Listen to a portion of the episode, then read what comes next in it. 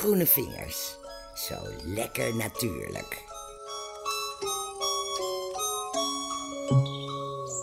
Hier ruik eens. Mijn buurvrouw duwt me een bosje met kleine witte bloempjes onder mijn neus. Ze heeft tegenwoordig een moestuin. En regelmatig krijg ik dingen van haar. Waar ken ik die geur ook alweer van? Oh ja, anijs. Ik droom even weg en zie mezelf als klein meisje voor de tv zitten met een kopje anijsmelk en genieten van de Onidenline. Er werd al over anijszaad geschreven door de Sumeriërs, 6000 jaar voor Christus. En in het antieke Rome wist Plinius de Oude dat anijs een medicijn is tegen slapeloosheid. In India, waar ik regelmatig ben geweest, krijg je standaard een bakje bij je eten en daar zitten dan allemaal kleine anijszaadjes in. Dat is goed voor een frisse adem en je spijsvertering. Oh ja, en het zit ook nog in veel natuurlijke mondwaters.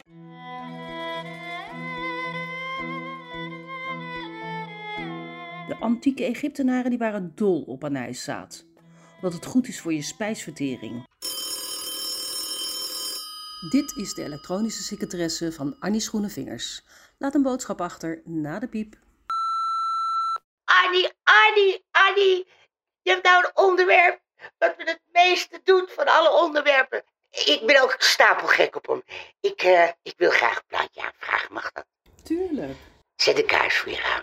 Van Rob en Nijs. Zet een kaars voor je raam vannacht, zodat ik weet dat je op me wacht. Zet een kaars voor je raam vannacht en ik kom naar je toe.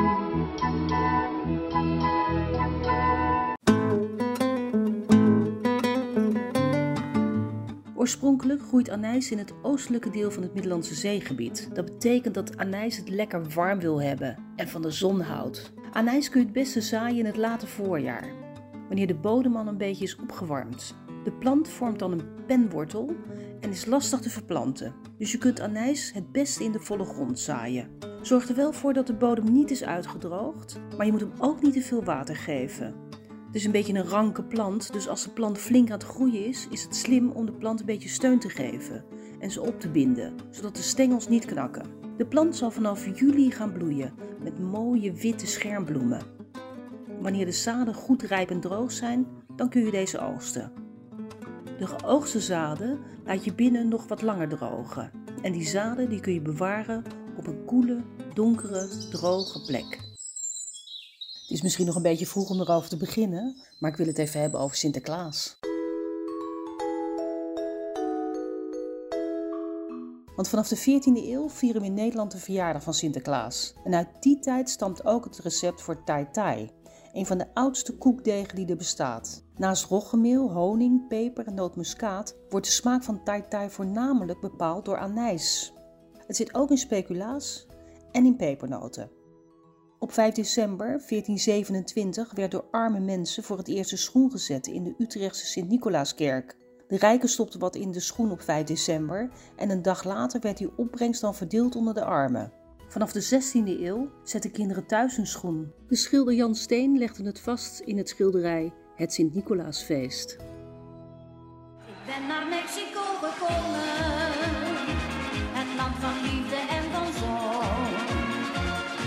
Ach ja, de zangeres zonder naam, die zal er nostalgisch van worden. En dat brengt me in één klap in Mexico. Want daar, maar ook in Rusland, India en rond de Middellandse Zee, wordt anijs commercieel verbouwd. Rond de velden staan rijen bijenkassen om de anijs te bestuiven, maar ook voor het winnen van geurige anijshoning.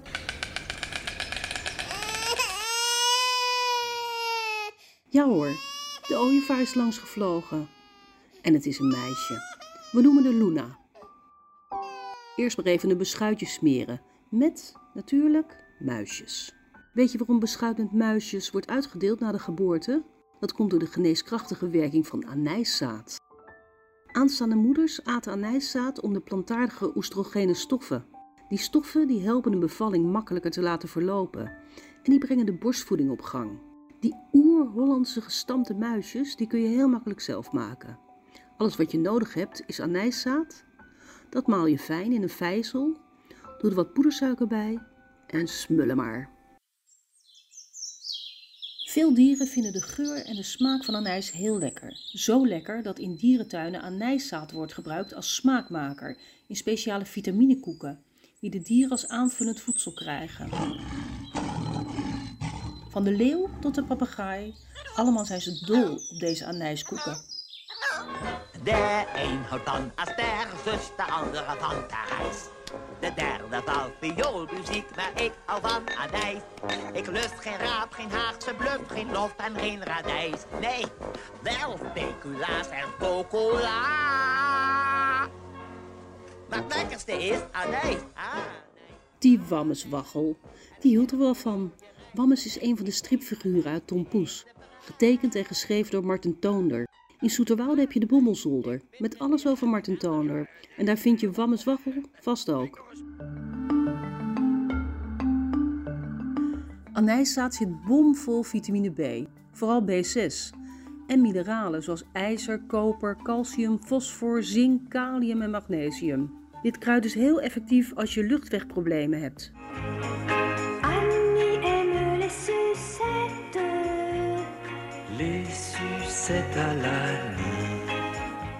Nou, wat leuk. Serge Gainsbourg schreef een liedje over mij, Arnie. Hij nam het op in 1966 en het heet Les Sucettes, Lollipops. Het werd uitgevoerd door Frans Gall. Het is een nummer vol met seksuele toespelingen. Arnie houdt van anijslollies en er wordt verwezen naar orale seks, want sucette betekent zuigen. En er is ook nog een andere dubbelzinnigheid, Pour. Want Arnie die koopt die lollies voor quelques pennies, voor een paar centen. Als je goed luistert, dan kan je ook denken pour quelques pennies, voor een paar penissen. Gaat er altijd in. Een piketanissie maakt je blij zin. Ik heb geen trek in zo'n Franse Pernod. Dat witte spul krijg je van me cadeau. Piketanissie is Amsterdams dialect voor een borrel graanjenever. Volgens taalhistoricus Ewout Sanders is het woord piketanissie voor het eerst opgetekend in het jaar 1897. Het is waarschijnlijk afgeleid van peket anis. Peket is het Waalse woord voor jenever en die werd op smaak gebracht met kruiden, waaronder anijs. Waarschijnlijk is het woord populair geworden omdat het als je het een beetje verbastert klinkt als pik en anus. Piketanissie.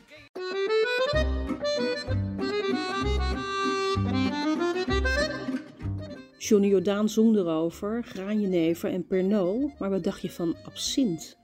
Dat is een sterke drank op basis van anijs, absintalsem, venkel en nog een aantal andere kruiden. In Europa was het een van de populairste alcoholische dranken van de late 19e eeuw.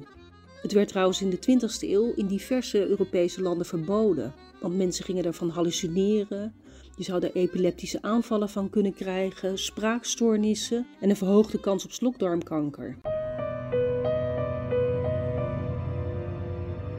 De aanleiding van het verbod was dat de Zwitserse alcoholist Jean Lavra na overmatige alcoholconsumptie, waaronder twee glazen absint, zijn hele gezin uitmoordde.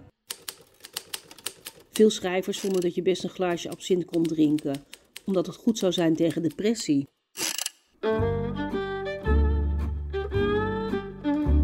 Onze nationale held Vincent van Gogh dronk hele grote hoeveelheden absint. Heel veel mensen denken dat hij daardoor zo is gaan schilderen. Ook wordt zijn royale gebruik van de kleur geel vaak toegeschreven aan overconsumptie van absint. Sinds 2005 is de wet vervallen en mag er weer absint worden verkocht. Ram ram ram. Als we het dan toch over drank hebben, laten we dan maar anijslikeur gaan maken. Wat heb je nodig? 600 ml witte rum, 200 gram kandij of gewone suiker, 1 theelepel anijszaad, 1 theelepel korianderzaad en 1 theelepel venkelzaad. Hoe maak je het? Doe de zaden en de suiker samen in één fles. Giet de rum erover en sluit de fles goed af. Laat die fles 4 weken op kamertemperatuur staan. Af en toe moet je die fles even schudden, zodat de suiker goed oplost. Zeef de zaden met een neteldoek of koffiefilter en dan giet je de overgebleven liqueur in een mooie fles. Ik zeg proost.